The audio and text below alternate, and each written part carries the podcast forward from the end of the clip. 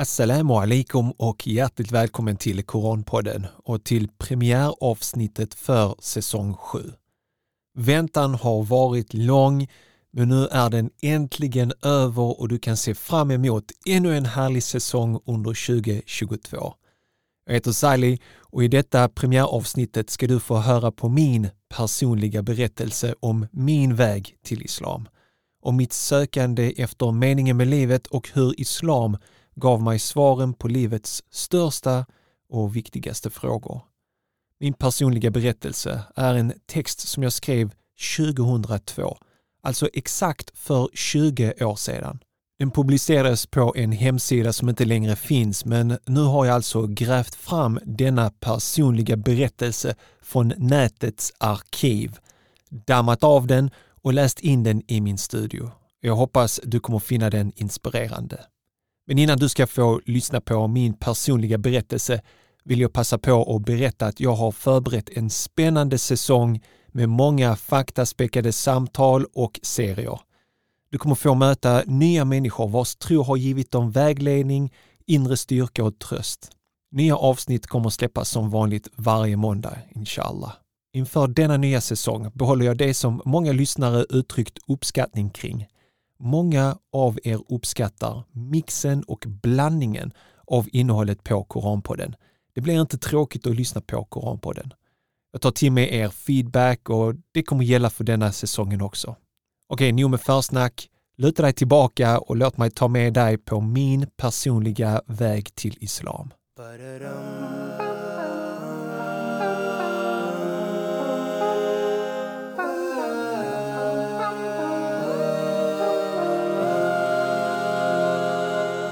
Min väg till Islam av Sally Tufekciolo Inläst av Sally Tufekciolo.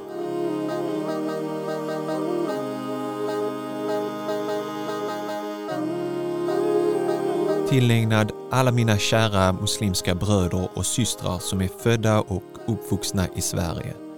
Jag hoppas detta ska kunna vara något lärorikt för er. Mitt namn är Sally och jag delar ansvaret för denna hemsida med min vän och broder i Islam, Bilal. Jag tänkte berätta om mig själv och hur det kom sig att jag började göra denna hemsida. Jag började så småningom skolan och en intressant period i mitt liv inträffade när jag började i nionde klass. För första gången började jag reflektera över meningen med livet på min egen hand. Jag hade fått en uppfostran som innehöll muslimska traditioner vars innebörd jag hade en liten uppfattning om. Men jag ansåg och anser fortfarande att det inte gav mig svaret på den enkla och grundläggande frågan om meningen med livet och dess mål. Min egna slutsats som jag själv kom fram till var att detta liv måste ha någon slags konstruktiv mening. Vi människor föds inte och lever inte bara för att äta, sova, arbeta och till slut dö. Det måste med andra ord finnas en mening med allt detta och därmed en kamp för att nå detta mål. Vad denna kamp och mål var visste jag inte, utan jag började så smått mitt sökande. Detta utvecklade sig snart till en allt mer fördjupande och mer ingående ansträngningar för att försöka hitta svaren på mina frågor sökandet i den politiska världen. Jag var alltid intresserad av politik och jag läste samhällsböckerna som vi hade i skolan med stort intresse. I politikens värld fanns det många olika inriktningar. Kapitalister, kommunister, socialdemokrater, liberaler etc. som jag kunde studera närmare.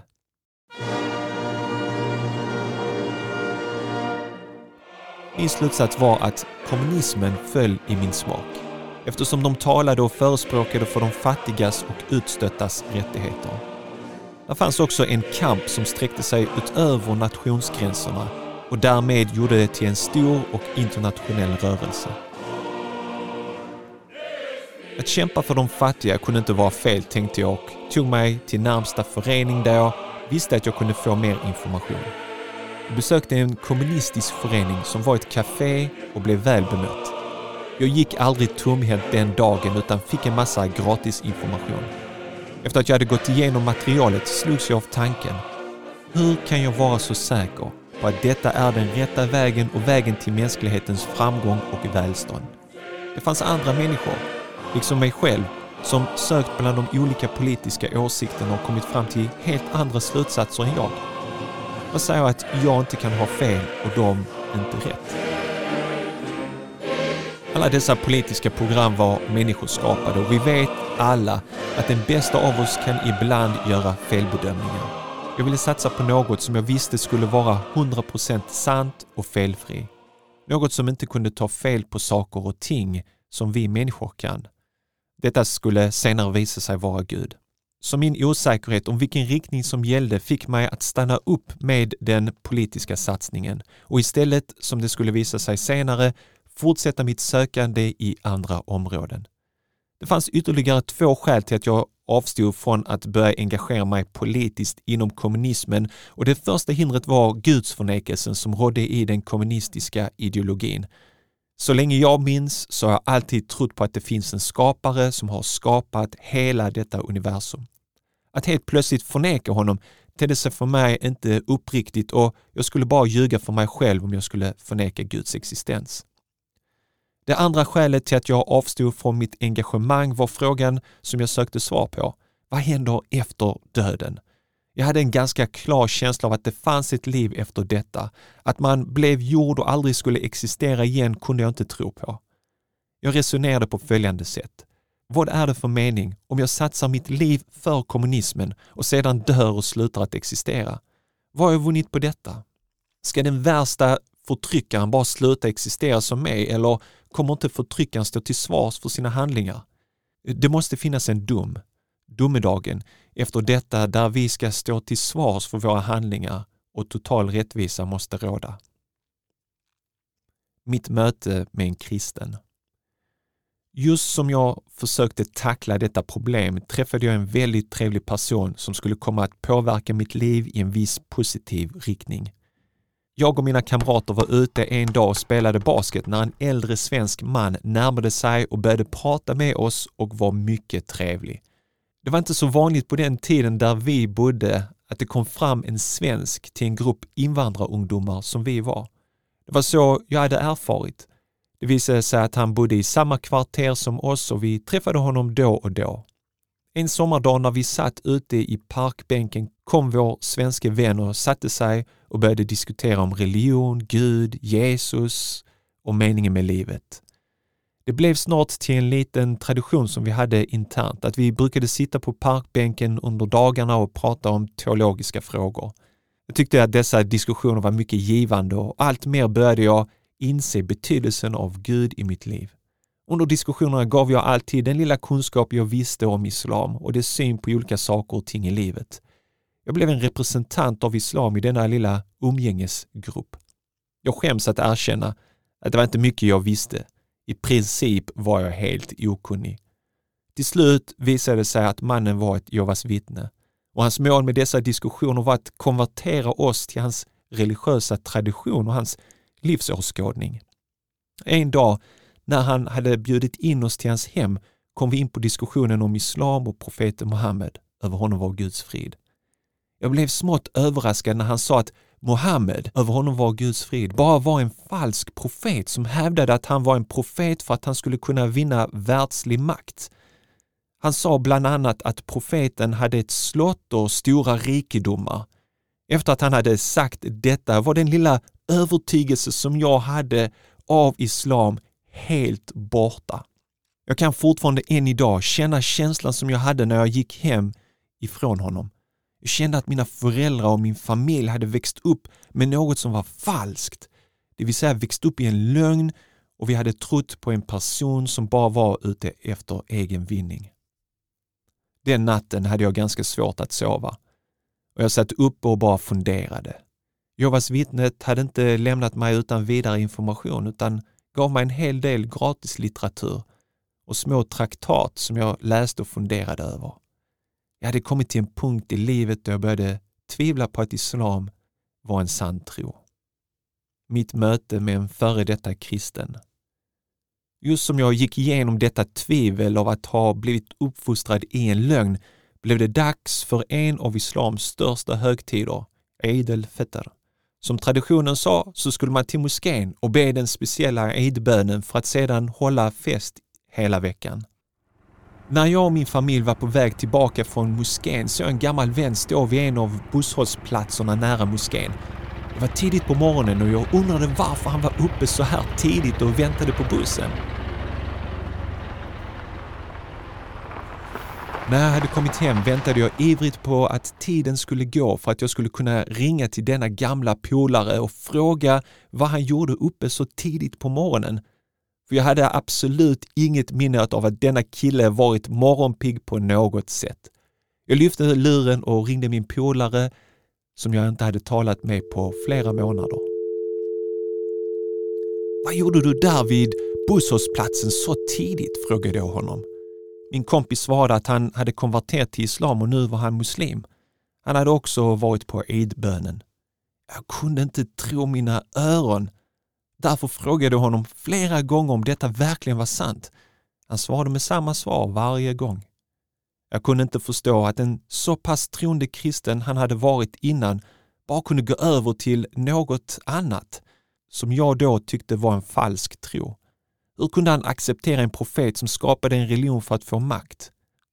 Hur som helst så bestämde jag en träff med denna gamla kompis och, och förklarade för honom anklagelserna som Jehovas vittnet hade ställt mot profeten Muhammed. Över honom var Guds frid. Min kompis svarade lugnt och sansat att detta var ren påhitt och lögn från Jehovas vittnets sida.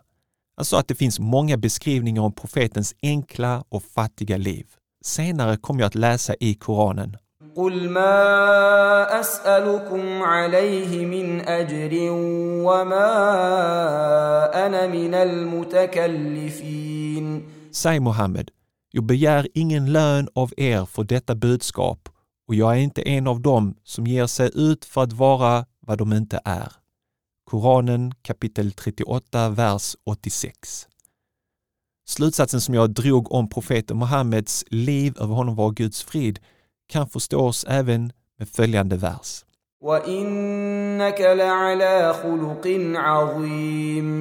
Ditt liv och ditt handlande är ett lysande exempel.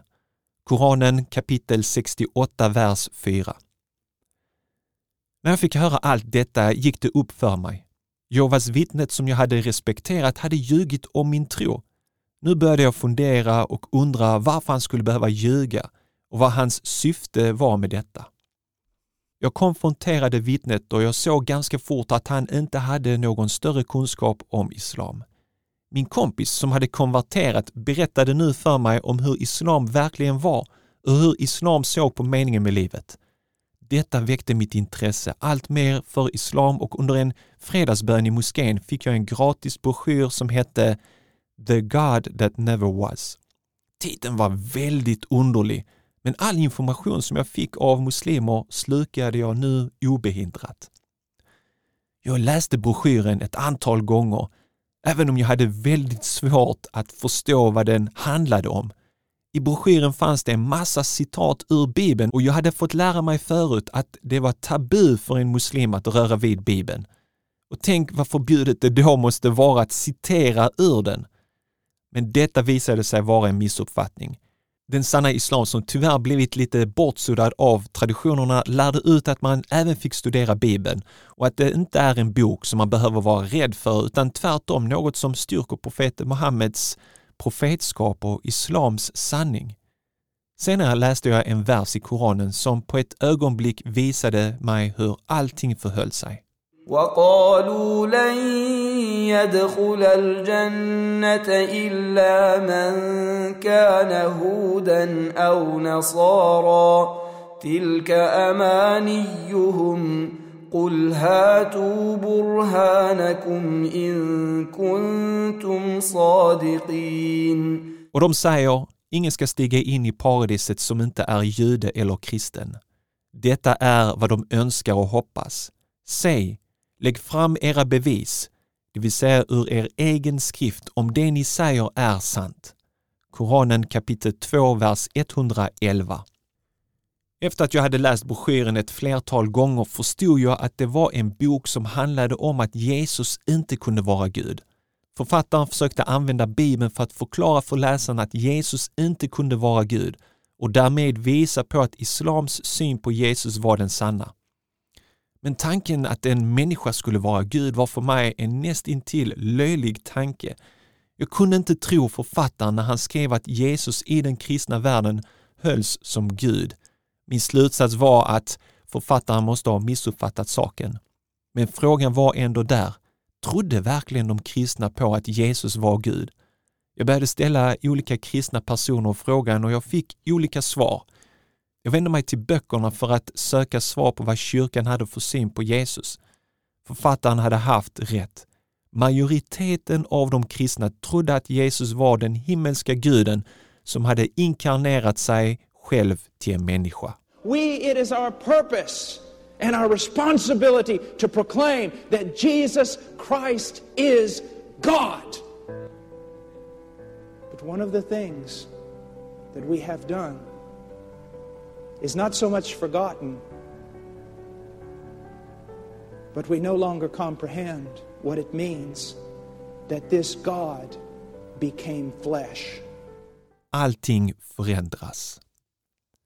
Ännu en fredagsbön inföll och denna gången kom en broder fram till mig och frågade om jag ville låna en film om islam. Jag svarade att jag självklart ville det. Jag var kunskapstörstig. Min törst för mer kunskap om islam kunde liknas vid en man som vandrat i öknen under en het dag och som till slut hittar en oas och slänger sig för att dricka ur den. Föreläsaren på filmen var samma person som hade skrivit broschyren som jag hade fått tidigare och hans namn var Ahmed Didat.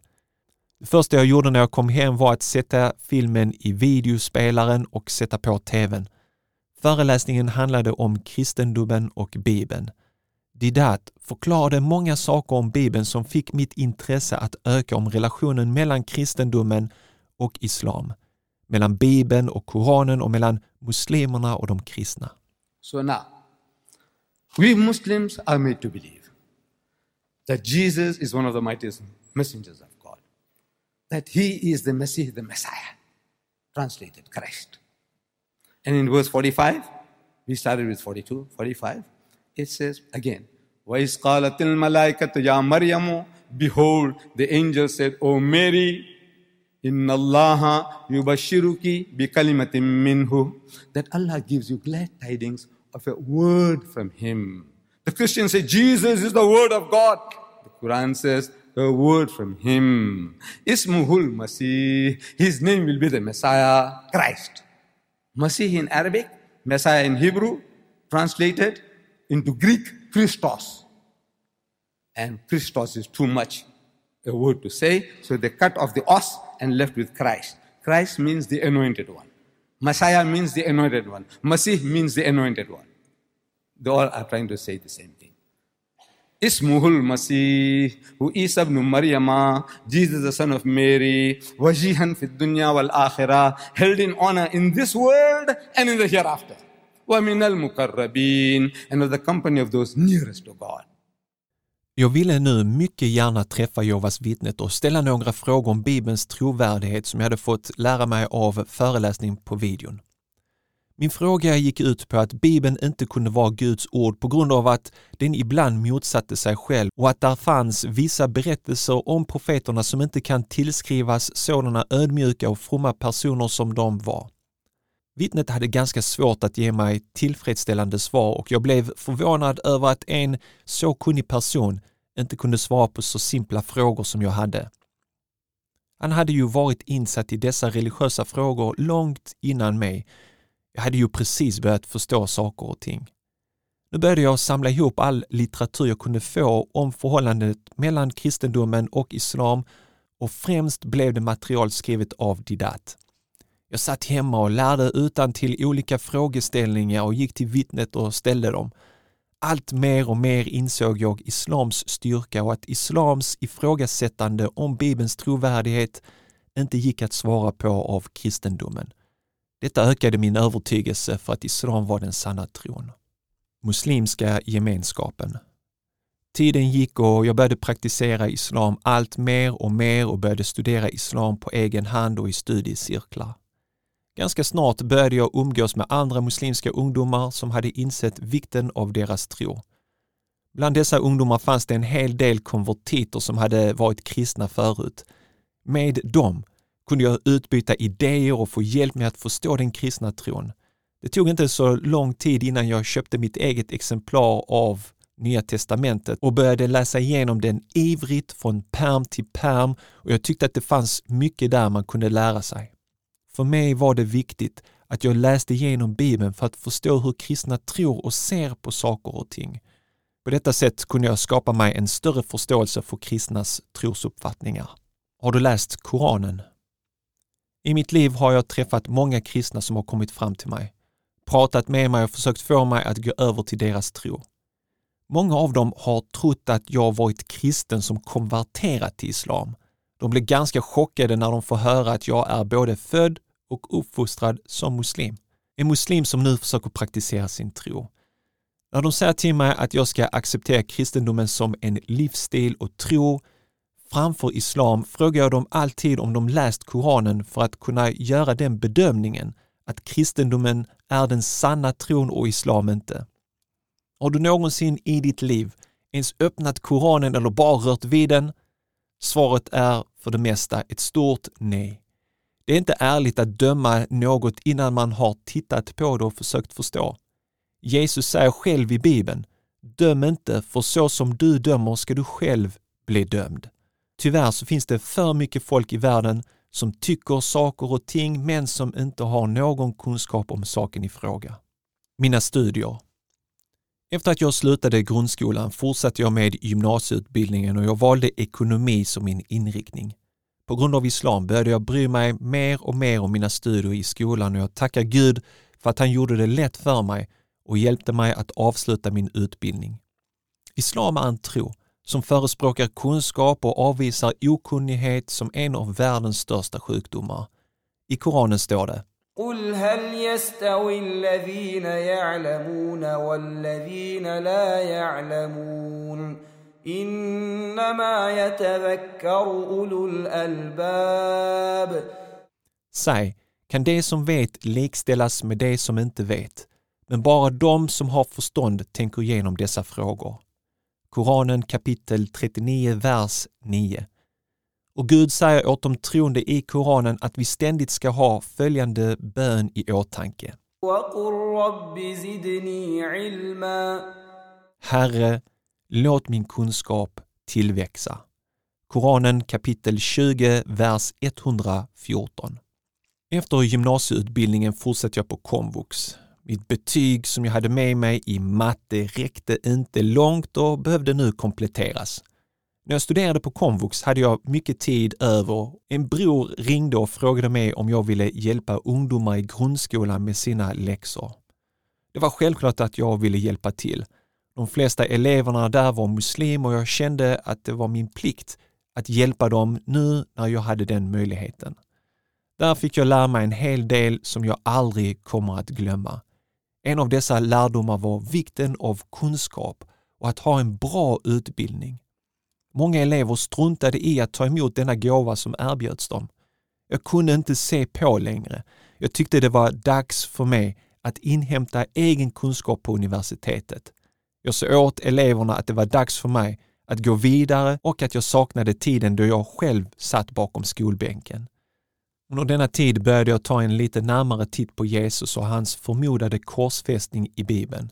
Ju mer jag studerade ämnet, desto mer såg jag att det framgick i Bibeln att det aldrig hade ägt rum, precis som Koranen lär ut. Jag ville skriva ner några få punkter om detta som jag tyckte kunde vara till bra användning någon dag. Men det visade sig att dessa få punkter snart skulle utveckla sig till en liten bok. Jag hade inte haft några sådana planer men saker och ting tog sin väg och till slut hade jag 35 sidor i min hand. Boken namngav jag snabbt till Jesus dog inte på korset men efteråt ändrade jag titeln till Jesus i Islam enligt Bibeln. Boken finns att beställa via tahara.se. Mitt livs största resa och upplevelse. Men innan jag lämnade mitt arbete i skolan blev jag tillfrågad om jag ville åka till Mecka på en mindre pilgrimsfärd. Umra på arabiska heter det. Det var julen 1997 och jag hade svårt att bestämma mig. Var jag beredd att åka ända bort till den arabiska halvön och framförallt förtjänade jag att få komma till det heliga landet som vi muslimer anser det vara. En kväll ringde telefonen och jag svarade. Det var en bror i islam som ville veta om jag skulle följa med till Mecka. Han heter Sheikh Ali, mycket välkänd här nere i södra Sverige och för inte så länge sedan gick han bort, så må Gud förbarma sig över hans själ. Han behövde ett besked genast för att kunna förbeställa biljetterna. Jag kommer mycket väl ihåg att många tankar for igenom mitt huvud i just den korta stunden. Jag visste inte vad jag skulle göra, ifall jag skulle åka eller inte. Jag började tänka på min mormor. Hon var en äldre dam som jag tyvärr bara träffade några få gånger i mitt liv. Men den kärlek som jag fick av henne var gång jag kom på besök var helt unik. Hon var en otroligt omtänksam, kärleksfull och stark kvinna. Hon brukade kalla på mig för att jag skulle sätta mig bredvid henne. Då brukade hon berätta för mig om sin resa till Hajj, som var ett stort äventyr i sig. Jag satt alltid spänt och lyssnade när hon berättade för mig om hur hon i en grupp av turkiska muslimer hade gjort den långa och mödosamma resan som det var på den tiden när man skulle till Mecka och hur hon hade stått upp för deras rättigheter i tullen. Hon berättade vidare om Mecka och om Medinas skönheter och jag förstod att detta var något som var så viktigt för henne att hon kände att det var som en plikt och ett ansvar att dela det med sig av denna erfarenhet med sina barnbarn. Nu i efterhand förstår jag hur stort intryck hon gjorde på mig. Jag tackar henne mycket och ber till Allah att han ska vara barmhärtig och nådrik mot henne på domedagen. Min broder som fortfarande var kvar i luren fick ett snabbt besked. Jag skulle med. All tid inför resan spenderades genom att drömma om Mecka och Medina och jag var väldigt ivrig. Jag ville lära mig arabiska och därför läste jag om vad man skulle säga för böner på denna pilgrimsfärd och jag började tidigt, tidigt packa. Nu var dagen äntligen här. Dagen då jag skulle få se det alla muslimer åtminstone en gång i sitt liv måste se. Mecka, Medina och resten av hela Saudiarabien. Vi skulle ta flyget från Köpenhamn, sen landa i Kairo för att sen åka vidare till Saudiarabien. Tidigt på morgonen vaknade jag, bad morgonbönen, gjorde mig i ordning och tog farväl av min familj för att göra mitt livs största resa. Efter flera timmars flygande närmade vi oss Kairo och i flygplanet började det bli ganska varmt. Så fort vi stigit av planet slogs jag av den arabiska värmen och såg solen lysa starkt över underbara palmer som fanns runt omkring flygplatsen. Nu var vi äntligen i Kairo. Vi skulle bara mellanlanda så jag fick inte så mycket tid på mig att se något av landet. Men ändå kändes det så fantastiskt. Det var mitt livs första arabiska land jag hade kommit till och på flygplatsen försökte jag praktisera den lilla arabiska jag kunde på försäljarna där, men det var inte speciellt lyckat. Det blev nu dags att ta nästa flyg till Jeddah i Saudiarabien. Cirka en timme senare på kvällen landade vi i Jeddah. Jag tittade ut genom fönstret och sa tyst för mig själv. Detta är Saudiarabien. I detta land föddes islam och härifrån spred den sig till hela världen. Flygplatsen var full av muslimer från olika delar av världen och det kändes som vi alla var en enda stor familj på väg till samma ställe för samma syfte. Nu var det dags att ta bussen till Medina.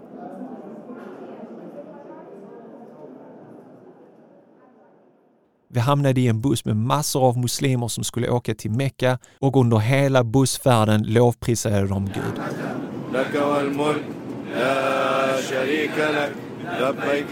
Vi närmade oss Medina och det var tidigt, tidigt på morgonen. Plötsligt hör jag att min broder kallar på mig. Jag vänder mig om och jag ser att han pekar ut genom fönstret med en menande blick.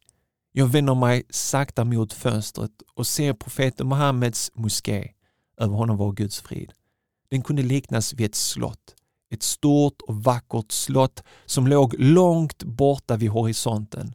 Jag blev helt tagen av dess skönhet i mörkret där den lyste som en stor lykta över landet.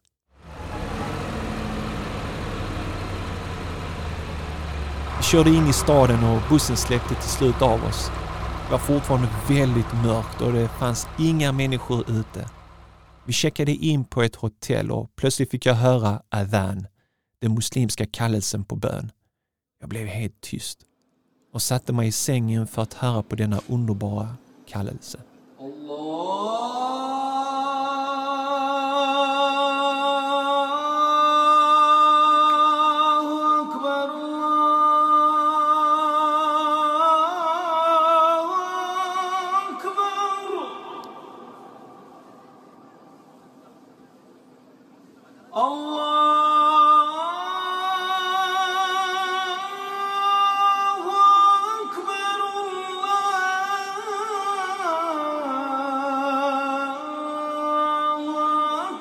Allah är störst. Allah är störst. Det finns ingen Gud utom han och profeten Muhammed är hans sändebud. Kom till bönen. Kom till framgång. Vi tvättade oss och tog oss till profeten Muhammeds moské som bara låg några hundra meter bort. Vi gick in i denna väldiga, stora och vackra moské och bad vår bön. Sen var det dags att hälsa på profeten, över honom var Guds frid, vars grav inte heller låg så långt borta. Det var alldeles för mycket för att jag skulle riktigt förstå var jag var någonstans. Just här hade allt en gång börjat för cirka 1400 år sedan. Här hade profeten bett och här hade han mottagit sina uppenbarelser och, och härifrån hade han spridit Guds uppenbarelser. Nu stod jag framför graven och jag kände ett lugn. Jag tackade Gud för att han hade givit oss en man så tolerant och så bra som Mohammed. Över honom var Guds frid. Min tid i Medina var helt underbar och staden var så vacker att man inte ville lämna den. Tiden i Medina tillägnade jag helt åt bön och dyrkan. När jag var ledig brukade jag gå runt alldeles själv bland de små affärsstånden som fanns runt moskén och prata med de olika människorna som bodde i staden. En sak som hände i Medina och som jag aldrig kommer att glömma är en dag då vi satt i hotellet och precis hade ätit lite. Plötsligt ringde det på dörren och vi hade inte väntat någon. Vi öppnade dörren och där stod män med stora brickor med mat på. De steg in och lade på bordet. Vad är det här? utbrast vi. Det är en gåva från en broder som vill vara anonym, fick vi veta. Tills idag vet jag inte vem denna broder är, men jag ber till Allah att han belönar denna broder och skänker honom det bästa i både detta livet och i nästa. Denna gest fick mig verkligen att känna att det finns ett brödraskap i islam. Ett brödraskap som tyvärr nästan försvunnit i andra delar av världen där det är det materialistiska som styr. Vi lever i en värld där varje person bara tänker på sig själv hela tiden. När jag var i Saudiarabien hade fastemånaden Ramadan precis börjat och varje dag bröt vi fastan med antingen dadlar eller vatten. Då var det bröder som hade köpt stora kartonger med dadlar som de tog med sig till moskén för att dela ut till sina bröder och systrar. Denna goda gärning kanske kan te sig liten i våra västerländska ögon. Några personer som springer runt och delar ut dadlar. Men när du är en resenär så uppskattar du sådana saker mycket mer. Må Gud belöna dessa människor för allt vad de gjorde. Efter några dagar i Medina var det nu dags att åka till Mekka. Det var sent på kvällen och vi tog den första bästa bussen dit. Nu var det inte så lång tid kvar tills jag skulle få se Kaaba som man hade sett på tavlor och i böcker och på TV. Bussen stannade på halva vägen så att vi kunde ta på oss våra ihramkläder, de traditionella pilgrimskläderna och göra oss redo för vår umra. Det pirrade i magen och ju närmare vi kom Mecka desto mer pumpade adrenalinet. Efter en tid kunde jag läsa på skyltarna att vi hade kommit till staden och nu var det inte långt kvar innan vi kunde komma fram till Kaaba.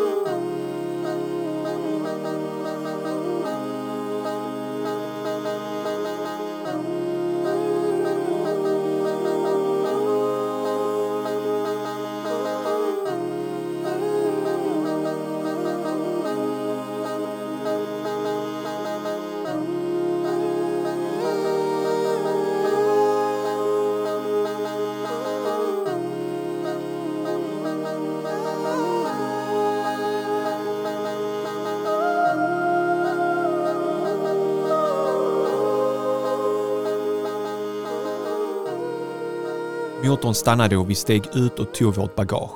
Moskén där Kaaba ligger var cirka 100 meter bort från där vi stod, men först skulle vi släppa av vårt bagage. Ett par bröder begav sig för att hitta ett billigt hotell medan vi väntade på dem. Det var sent och Fajr, morgonbönen, närmade sig och det enda jag kunde göra var att betrakta moskén utifrån och föreställa mig Kaaba som var innanför.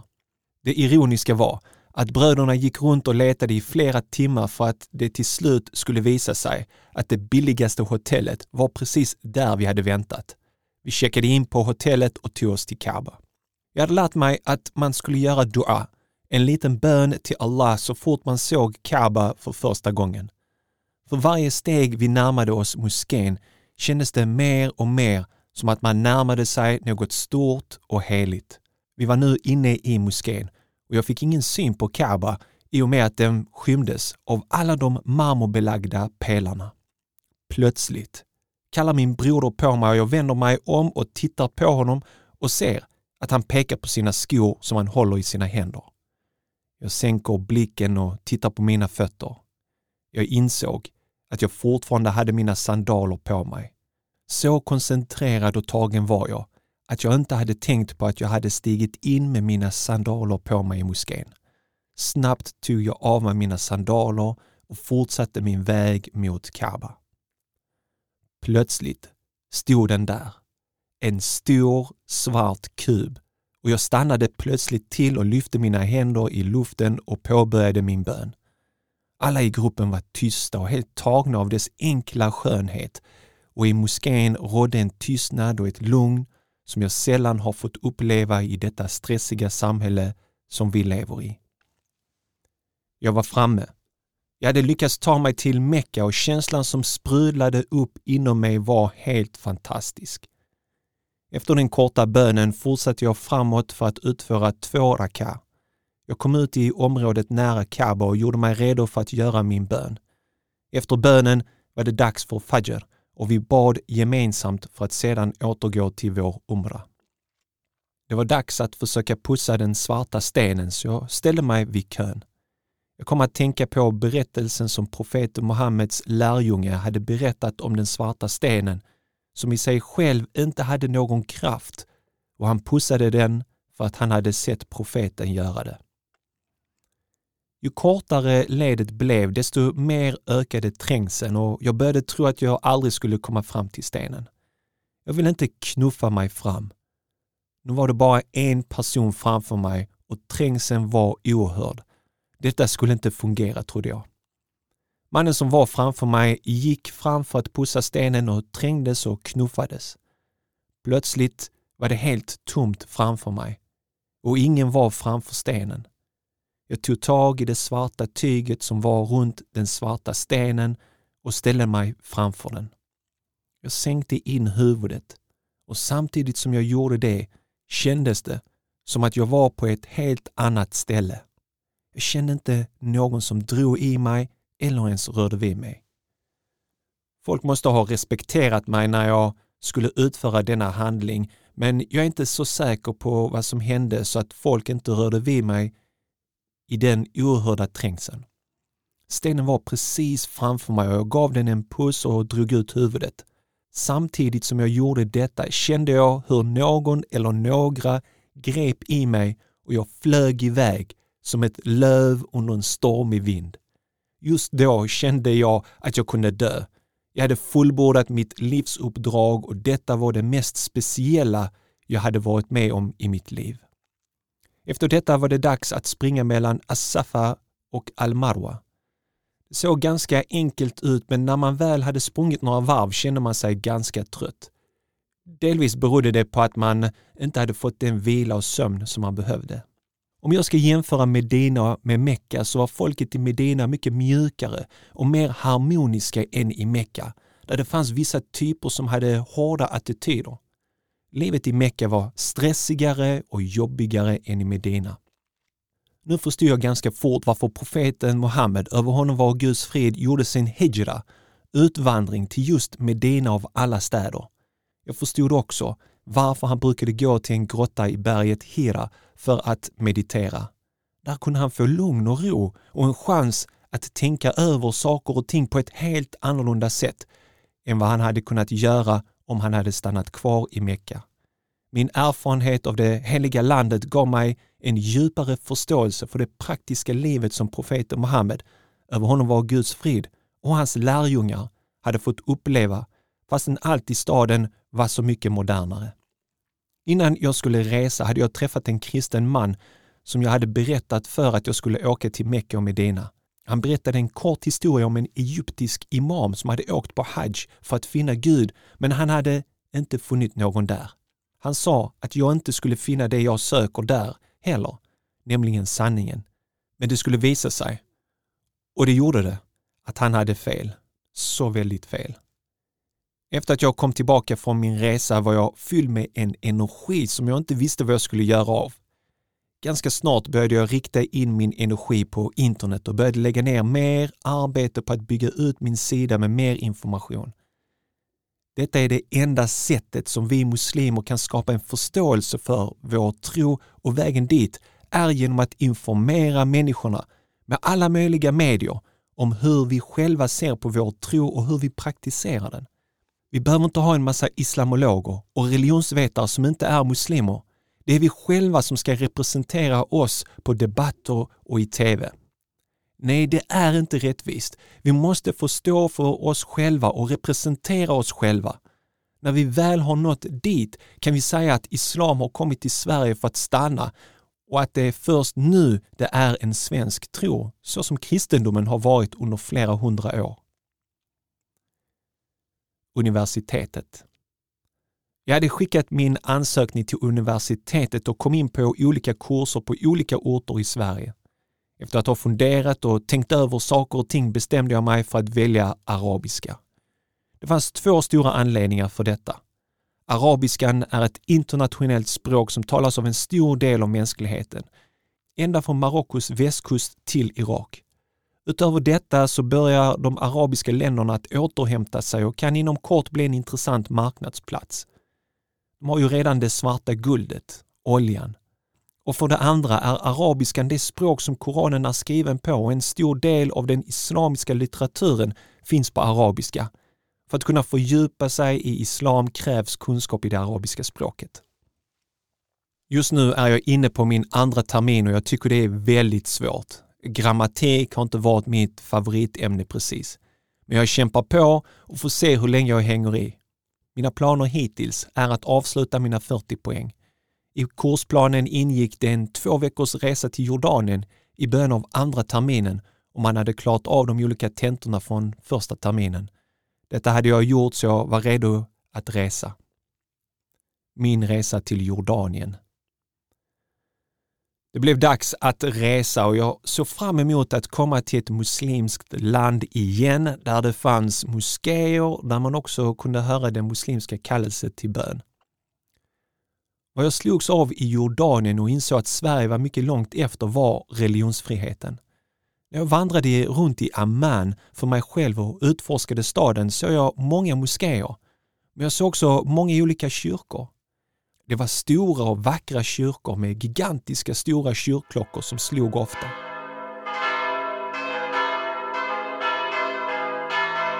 I Sverige har muslimerna ett helvetiskt arbete bara med att lyckas övertyga samhället att tillåta dem bygga en moské. Att tänka sig att ha minareter som används är något otänkbart.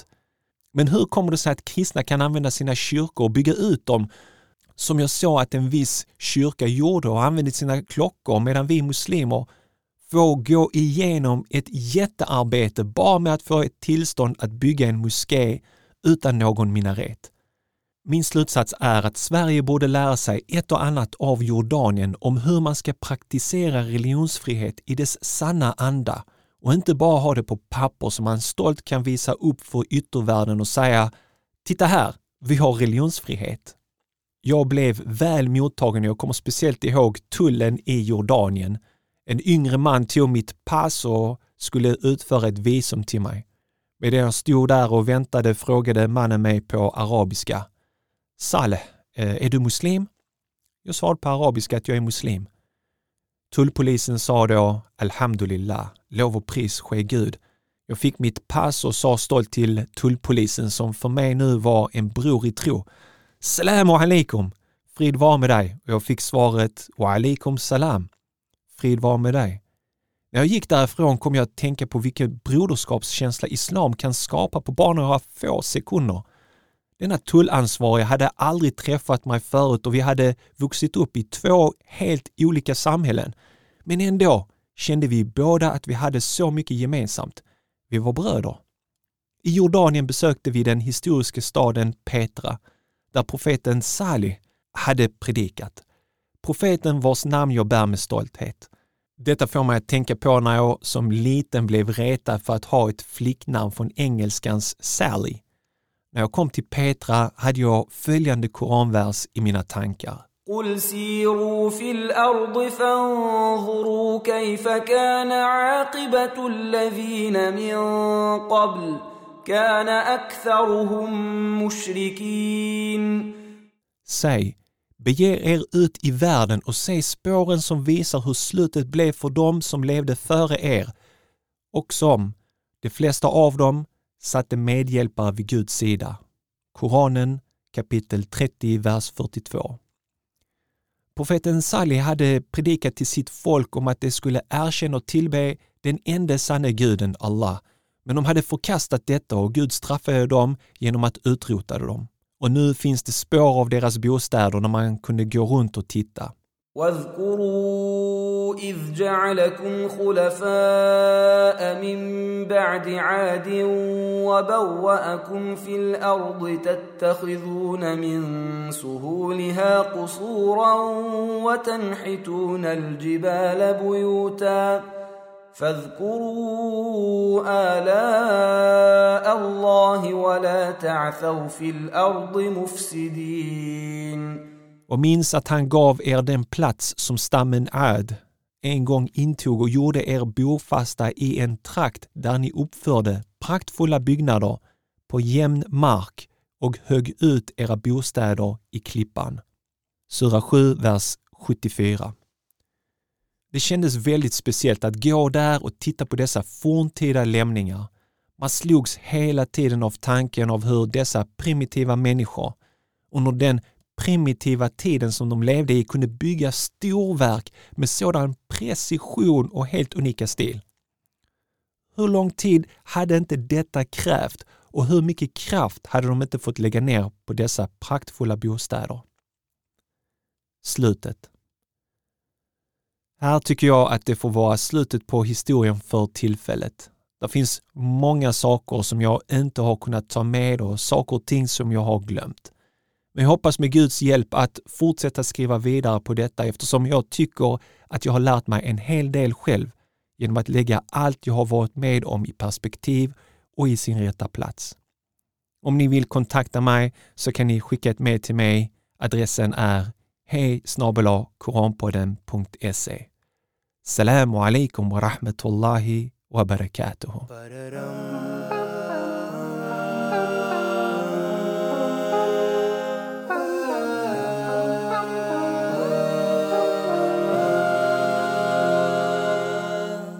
Du har precis lyssnat på Min väg till Islam.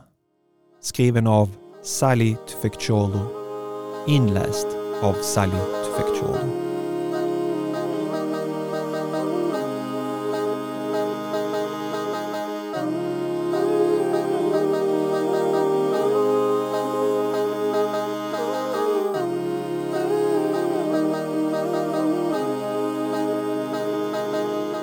Tack för att du lyssnade på min personliga berättelse om min väg till Islam.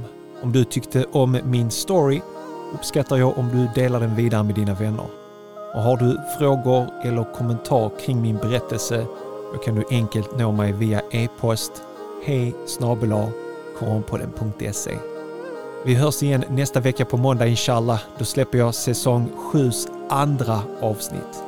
Glöm inte att följa oss på Insta och Facebook Ta hand om dig tills dess. Salam alaikum wa rahmatullahi wa barakatuhu.